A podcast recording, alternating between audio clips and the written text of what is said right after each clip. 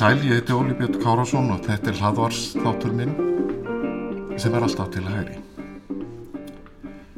Aðeins að fjalla um fyrirhugaða sölu og hlutabrifum ríkisins í Íslandsbanka og rifja aðeins upp deilurnar um dreift eignarhald á fjármálafyrirtækjum.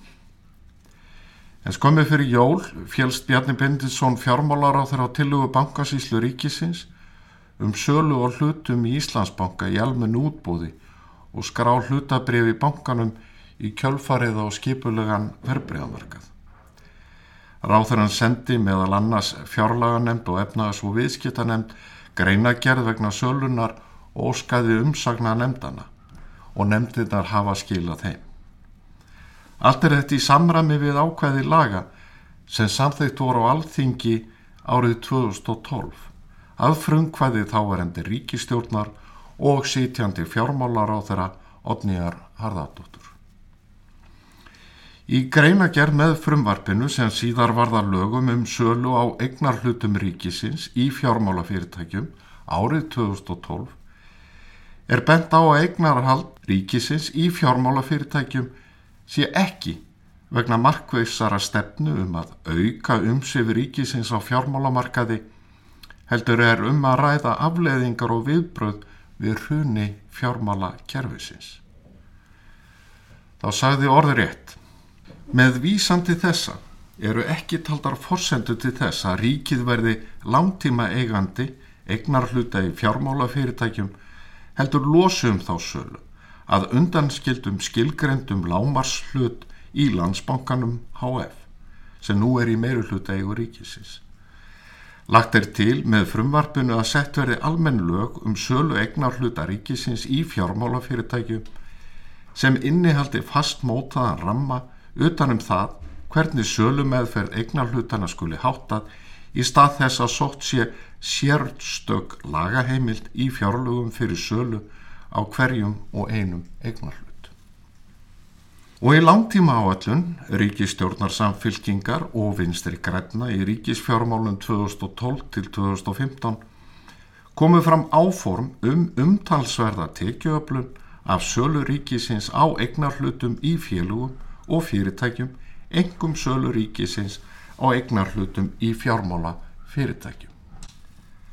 Það var ríkistjórn sjálfstæðisflokks og framsóknarflokks undir forsæti Sigmunda Davís Gunnlaugssonar sem tryggði með stöðuleika samningunum við gröfu hafa föllnum bankana að landsbanki og Íslandsbanki komist á fullu í eigu ríkisjós.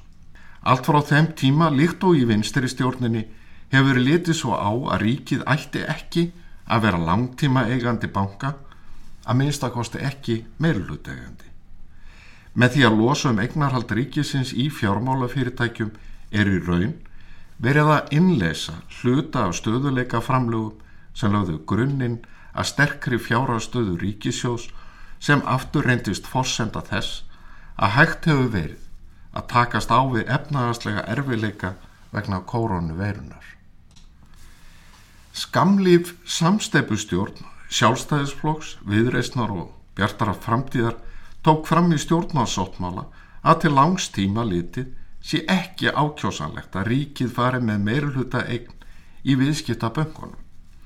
Þess vegna sé mikilvægt að minga hlut ríkisins í varfærnum skrefum og í viðtakri sátt eins og þar stóð.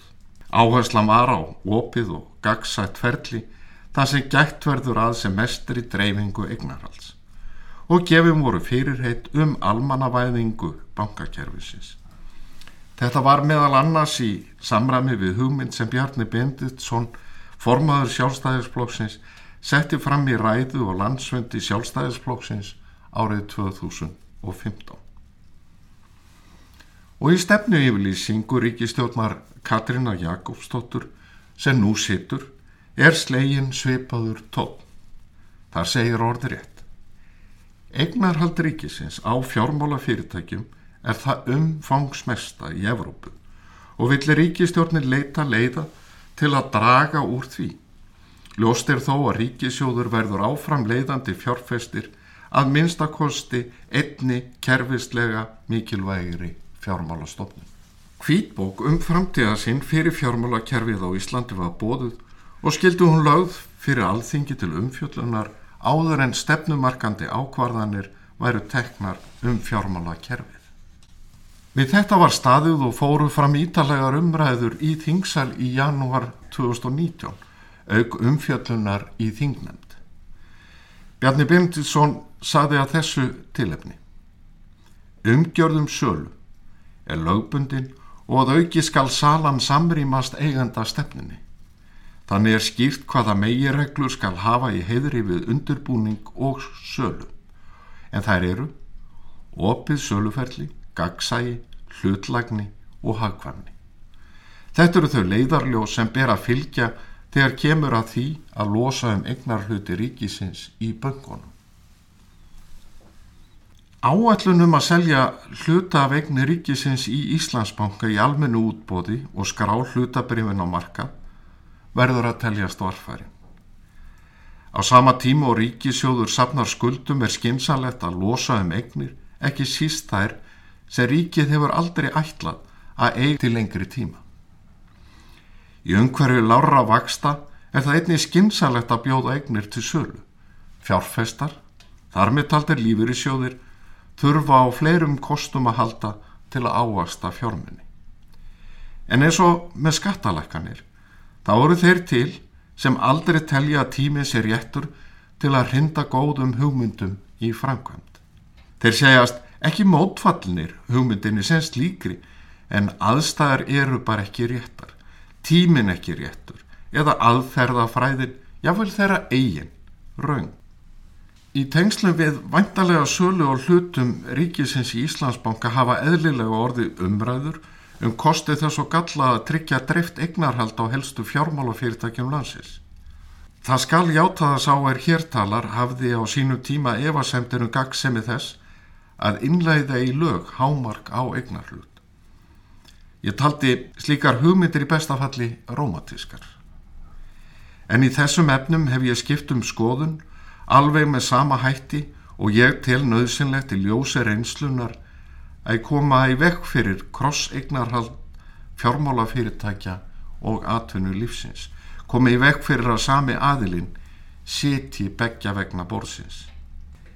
Í þessu sambandi er forvittnilegt að rifja upp baróttu Davíð Sottssonar þáarendi fórsetisar á þeirra fyrir lagasetningu til að tryggja dreift egnarhald og valdreifingu í fjármálakerfinu.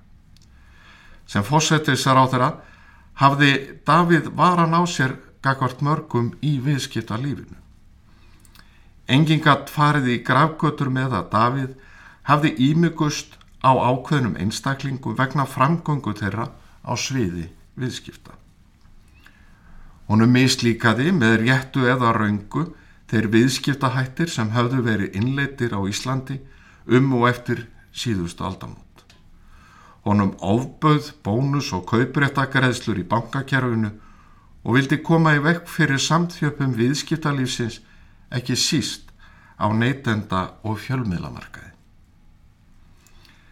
Davíð hafði augljóslega verulegar og vaksandi áhyggjur af því að áhrifamiklir aðilar í viðskiptalífinu væru að skara eldað eigin köku og kostnað almennings en í skjóli aukins frelsis sem hann hafði barist fyrir.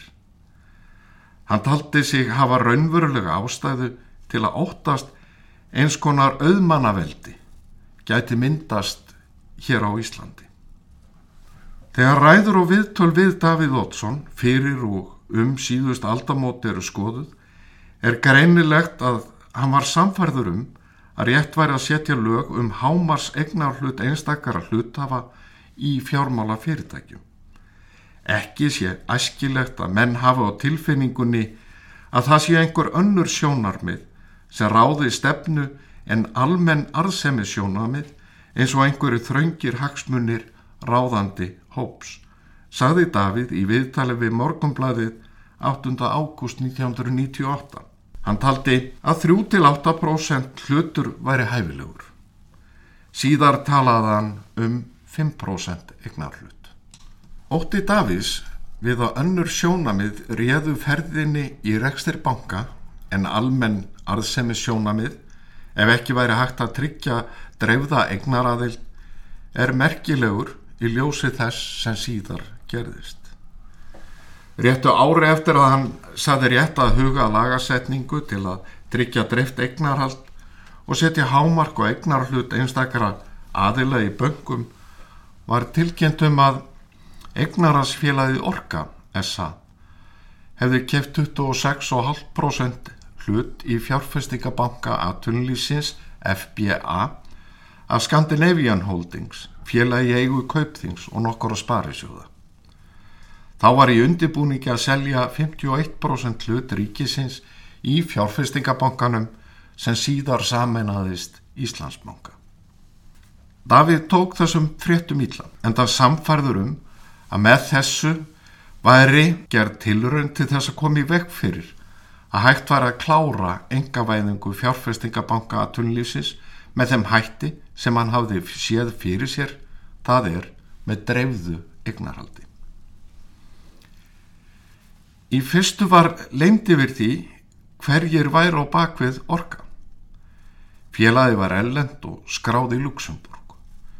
Um miðjan águst 1999 var greint for á því að fjórir hópar fjárfesta væru þar á ferð.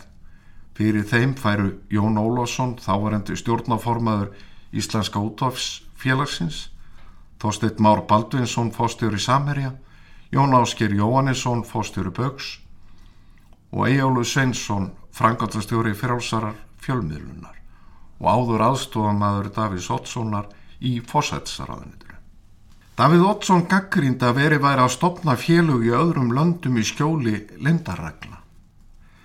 Hann taldi það að vita á illt fyrir Ísland og nöðsynlegt væri fyrir stjórnvöld að skoða regluverkið. Í viðtali við morgumblaðið 23. september 1999 sagði fósættisar á þeirra að ástæða þess að félög væri stopnið í löndum sem byðu upp á lindarreglur væri að með því þurfið þau ekki að gefa íslenska fjármála eftirlitinu upplýsingar sem önnur félög þurfa að gera. Davíð taldi það óþólandi ef fyrirtæki sem skráð er í öðrum löndum hefðu meiri rétt en fyrirtæki sem búa við íslenskar reglur. Pólitískir anstæðingar tóku aldrei undir með Davíð í gaggrinni hans á Erlend leinifélög í eigu Íslendinga. Þert á móti. Salan til orka kom ítla við Davíð og í frettum ríkisútvarsins 7. ágúst viðurkendan að svo aðferð að koma hlutabrifum út með drefðum hætti haldi ekki til lengdar og þá þarf kannski að kanna hvort aðrar lagaforsendur þurfa að vera fyrir hendi sem tryggja hreinlega að eignarhald að fjármálakerfinu í þessu landi sé drefð. Hann saði Íslenska þjóðuríkið er þannig vaksið að það er ekki holdt fyrir það að væri í höndum á mjög fáum aðilum. Davíð endur tók þessi orð efnislega í fréttum stöðvara tvö samakvöld og hafði áhyggjur á þeirri hættu að ef einhverjir erðu of stóri hlutafar tækju þeir ákvarðanir sem þjónuðu ekki endilega bankanum heldur fremur eigin hagsmunum. Þegar þessi orð voru látin falla lág ekkert fyrir um þá ofinberlega hverjir ættu orka. En þau voru í samrami við það sem fósættisar á þeirra hafði sagt árið 1998 meðal annars í viðtali við morgumblaðið í ágústmániði. Pólitískir aðstæðingar Davís Ótssonar heldu því fram að ástæða þess að hann hefði brúðist jafn harkalega við og raund varð þegar tilkynnt var um kaup orka á hlutabriðunum í fjárfestingabankanum hafi verið svo að væntalegir eigendur hafi ekki verið honum að skapi. Þessu hefur hann allatíð hafnað og sagt að hans eina markmið hafi verið að verja fjárhastlega hagsmunu ríkisjós og almennings. Viðbröð Davís þegar fyrst var tilkynnt um kaupin og ekki var ljóst hverjir væru raunverulegur eigendur orka renna stóðum undir þetta. Engum blöðum er um það að fletta að salan til orka ítti undir tortrygni Davís í garð umsöfa mikill að kaupsýllum manna en einnig er ljóst að vantraust kakar stórfyrirtækjum og forraðamönnum þeirra var alla tíð innbyggt í hans huga. Ótrú Davís svipar mjög til skoðana Adam Smith sem benda á að fólk sem stundar sömu aðtunugrein fer sjaldan hvert á annars fund jafnvel sér til skemmtunar og afþreyingar svo samræður þess endi ekki samsæri gegn almenningi eða einhverju ráðabruggi um að hækka verð. Frjálslindir hagfræðingar tafa barist fyrir takmörkuðum ríkisafskiptum og auknu frelsi viðskiptalífsins hafa lengi varað við innri hættu sem fólkin er í kapitalismannum. Í kvöldverðabóði Vestlunaráðs Íslands, nú viðskiptaráðs, árið 1984 var Milton Friedman Nóbelsvöluna hafi í hagfræði og einn helsti hugsuður frjálsíkjumanna spurður um hvað veri kapitalismannum hættulegast. Nóbelsvöluna hafinn bað gestina að líta í speil.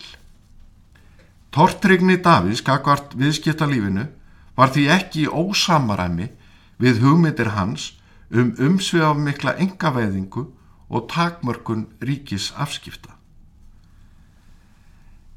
Eins og áður segir reyndu pólitískir anstæðingar sjálfstæðisflokksins að halda því fram að ástæða þess að Davíð Ótsson hefði talið æskilegt að setja reglur um dreifða eignaraðild hafi verið persónleg óvild hans í gard þekktara aðtapnamanna. En þetta eru staðhæfingar eins og áður hefur komið fram eða sér litla eða enga stóð. Sigvatur Björgvinsson þingmaðurs samfylkingarinnar og fyrverjandi formaður alþýfuflokksins sagði þetta berum orðum í viðtali við dag 12. ágúst. Hann saði orðrétt. Ég hef ekki trú á því að gerlegt sé að setja lög til að tryggja dreifða eignaraðild sem halda þegar fram í sækir. Ég er alveg vissum að Davíð Ottsson fósættisar á þeirra hefði aldrei orðað þessa lagasetningu ef þeir sem er að kaupa fjórðungslut í FBA væru honum þóknanleir. Ég tel að þetta tal fósættisar á þeirra um lagasetningu sé sprottið að því að hann vilji setja lög sem banni Jóni Ólafsinni í skífunni að kaupa hlutabrjöf.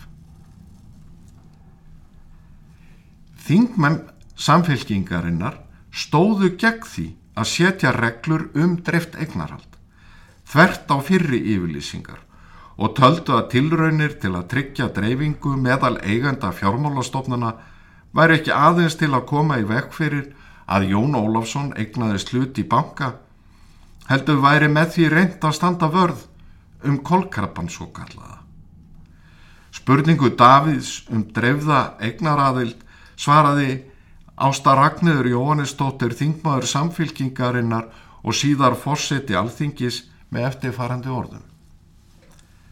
Verbreyðamarkaðurinn á Íslandi er frjáls og tilraunir til að tryggja dreifða eignaraðil eða aðrar hömlur í þá veru myndu leiða til þess að hlutur ríkisins, það er almennings í fjármálafyrirtækjum eins og til dæmis fjárfestingabanka atvinnulífsins myndi lækka stórlega í verði. Greinilegt er þó að kolkrabbin er uggandi yfir stöðu þessa máls. Ágúst Einarsson fyrverandi þingmaður og einn helsti hugmyndafræðingur þjóðvaka, Jóhannu Sigurðardóttur, sem rann inn í samfylkinguna, gerði hugmyndir Davíð Sottssonar um dreifða eignaraðild að umfjöldunarefni á bloggsíðu sem í ágúst 1999.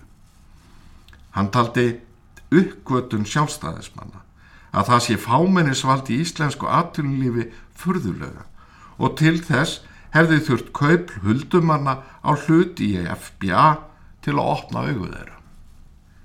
Áhrifafólk innan samfylkingarinnar gerði þannig tilraun til að halda því fram á óeðlileg sjónamið hafi ráðið för þegar fósættisar á þeirra talaði um að nöðselegt væri að tryggja dreift egnarhald að fjármála fyrirtækjum. Fórustumenn framsóknarflokksins töldu heldur enga ástæðu til þess að setja lög um dreift egnarhald. Þetta kom meðal annars fram í viðtali morgumblaðsins annar november 1999 við Finn Ingólfsson sem þá var viðskiptar á þeirra. Þar sagði Finnur meðal annars Þetta eru fyrst og fremst fag fjárfestar og ég held að þeir muni passa upp á það sjálfur að engin eitt fjárfestir verði ráðandi í bankanum. Þegar síðar koma því að hlutu ríkisins í búnaðarbank og landsbanka voru seldir, var ljóst að hugmyndir Davís höfðu orðið undir. Raunar var fyrsti ríkisbankin seldur áður en Davíð varð fósættisar á þeirra árið 1991. Jón Sigursson, þá yðnar og viðskiptar á þeirra alþjóðuflokksins, sá um sölu útvegsbankans árið 1990 og rann bankin inn í Íslandsbankan. Þá sata völdum vinsturistjórn Stengurims Hermanssonar, samsteipustjórn Framsóknarflokks, alþjóðuflokks, alþjóðu bandalags og borgaraflokksins. Aðrir ráþeirar voru meðal annars Jón Baldvin Hannibalsson, utaríkistaráþeira, Jóhanna Sigurðardóttir, félagsmálaráþeira, Ólaður Ragnar Grímsson, fjármálaráþeira, Svavar Gesson, mentamálaráþeira og Stengurum Jósifússon var samgöngu og landbúnaðaráþeira. Sala útvegsbankans sem hafði glimt við mikla erfileika var því fyrsta skrefið í engavæðingu fjármála kjærfisins. Vinstri stjórnin lagði hins vegar lítið upp úr því að tryggja dreift egnarhald. Vegna anstöðu við hugmyndir Davís um dreift egnarhald á böngunum var ákveðið að selja stóra hluti í landsbankanum og búnaðabankanum til kjölfestu hlutafa. Sérstök engavæðinga nefnd sá um síðasta sprettin en hún hafði fengið sem ráðgjafa við söluna alþjóðlega bankan HSBC.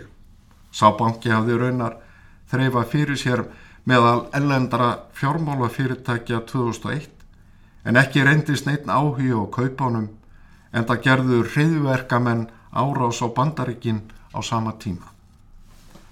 Um söluna verður ekki fjallað að öðru leiti hér en tæpun tíu árum eftir að nokkrir helstu talspenn samfylkingarinnar reynda að gera hugmyndir Davíðs Ottssonar um dreft eignarhald tortryggilegar og komi í vekk fyrir að þær næðu fram að ganga saði Geir Há Horti þá formaður sjálfstæðisflokksins að stæstu místök flokksins fyrir hrunbankana hafi verið að hverfa frá hugmyndinni Í setningaræðu á landsfundi sjálfstæðisflokksins 27. mars 2009 saði Geir meðal annars. Þegar eigendur bankana gerðust umsöfa miklir í atvinnulífinu og eigna tengsl milli viðskiptablokka urðu gríðarlega flókin og ógeggsæ var stöðuleika bankakerfi sinns ógnað. Hefðum við sjálfstæðismenn haldið fast við okkar upphaflega markmið um dreifða eignaraðil eru líkur á því að bankarnir hefðu ekki verið jafn sóttjarfir og áhættu sæknir og raun var þá. Í frægri ræðu á sama landsfundi gerði Davíð Ottsson stuttlega upp við fortíðina í þessum efnum og bendi á að ekkert hafi farið á milli mála hvert hann hafi viljað stefna þegar kom að því að tryggja dreift eignarhald. Með sama hætti hefði öllum verið ljóst hver hugur samfylkingarinnar í þessum efnum var. Hún hafi barist gegn dreifðri eignaraðild að böngunum. Davíð saði orðrétt og alltaf var ég sakaður um anduð á auðmönum og ég væri að draga úr og skaða útrása möguleika snillingana. Það við benda á að allt sem fór aflaga hér á landi þegar að bankandi hrundi í oktober 2008 hafi einnig gerst í öðrum löndum. Íslendingar hafi farið sérlega ítla út úr alþjóðlegri fjármálakreppu vegna þess að þær grundvallarreglur sem hér gildu hafi verið þver brotnar og í mörgun tilfellum tólkaðar ótrúlega frjálslega. Þar vísaði hann til regla sem snýrust um krosseignatengsl og lán til einstakara aðila og hvað þau máttu vera mikil með hliðsjón af eignum viðkomandi banka og um lána fyrirgarislu til eiganda bankana sjálfra. Það við sagði brjálaðisleg samþjöpun í viðskiptalífinu bætti ekki úr og endan var svo komið að einn aðili skuldaði öllum böngunum fjárhæðir sem voru því sem næst allt eigið fyrir allara bankana og aðrir aðilar og eigendur hefðu einni fengið að sapna stórkoslegum skuldum. Átökin um fjárfestingabanka atvinnlýfsins voru aðeins forsmekkurinn að því sem eftir kom. Davíð Ottsson varð undir í baróttunni við að tryggja dreift egnarhald að fjármála stofnunum. Saga fjárfestingabankans er því mikilvæg í ljósi þess sem síðar varð. Augljóst er að Davíð Ottsson hafði miklar áhyggjur að þeirri þróun sem átti sér stað í viðskiptaleifinu og skoðanir hans byðu pólitískan ósigur. Í viðtali við tímarittið Vísbendingu 18. desember 2003 útskýriði Davíð Ottsson hugmyndafræði sína ágætlega. Davíð saði Ég held að fákjefni spilli mjög fyrir í viðskiptalífunu. Ég verið þeirra skoðunar allt frá því að ég var ungur maður að því minni afskipti sem stjórnmálamenn, embatismenn og eftirlitsmenn þurftu að hafa viðskiptalífinu því betra. En ef það þarf að koma til afskipta ofinbæra aðila, þá eru það yngripp sem eiga miðast við að tryggja hagspunni almennings og atvinnulífsins almennt. Þannig er best að hafa þetta.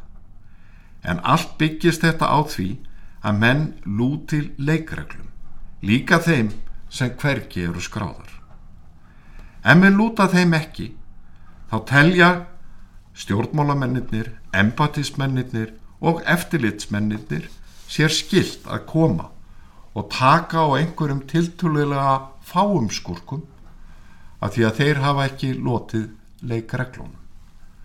Það þýðir fyrir alla hina sem lúta leikreglunum að streymið og ákvörðunatakan á markaðanum verður þingri, þrengri, svifasetni og þannig dregur úr arðsemi og öllu því sem markaðurinn á að skila. Fyrir mig eru það því gríðaleg vombriði að þurfa yfirleitt að blanda sér í þessa hluti Sumir segja að ég sé að reyna að rýfa stóðirnar undan markaðnum en öll mín vinna hefur farið í það að taka valdið frá mér og mínum líku. Það verður öruglega freistandi fyrir fórustumenn í stjórnmálum að hafa meir og, og minna vald yfir öllu bankakerfinu. Ég get engin fyrirmæli gefið inn í bankakerfi. Ég get sagt skoðanir mínar og þess áttar en engin fyrirmæli gefið. Það til ég vera holdt og gott. En þá verða þessir kappar líka að lúta leikreglum og ekki misnóta sér stöðu sína og reyna að búa sér til yfirbörðastöðu í þeim tilgangi einum að eiga léttari leik og að þurfi ekki að standa í samkeppni með heilbriðum hætti.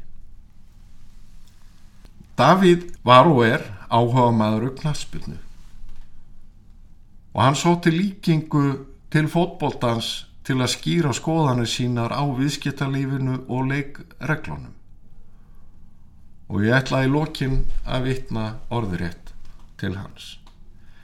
Ég hef séð það þegar ég er að horfa á fótbólta að það ríkir oft sangkallaður íþróttandi en ef þar væri ekki kall með gullt og raut spjald þá myndu þessi gæjar haga sér þannig á vellinum að það er því reynd blópa slitnar sínar, brotin hér og hvaðina. Leikurinn á að fá að fljóta eins eðlilega og mögulegt er. Ef með byrja að þjösnast þá er dómari með gula og rauðaspjaldi komin og hvað gerist þá? Við sítjum heima að horfa á sjónvarpið og leikurinn er hundleiðilegur. Að því að það er komin tíu gulspjöld og fimm rauð. Meira sé að þeir menn sem hafa mestan áhuga á að horfa á eða spila með verða afhuga leiknum. Nákvæmlega sama regla á við um markaðin. Þar þarf að vera dómari með gullt og raukt spjald en því minna sem hann þarf að nota þau af því að menn haga sér betur því skemmtilegri verður leikurinn og því meiri afrakstur verður af honum okkur öllum til handa. Ég þakka þeim sem duttu, eigi góða stundir.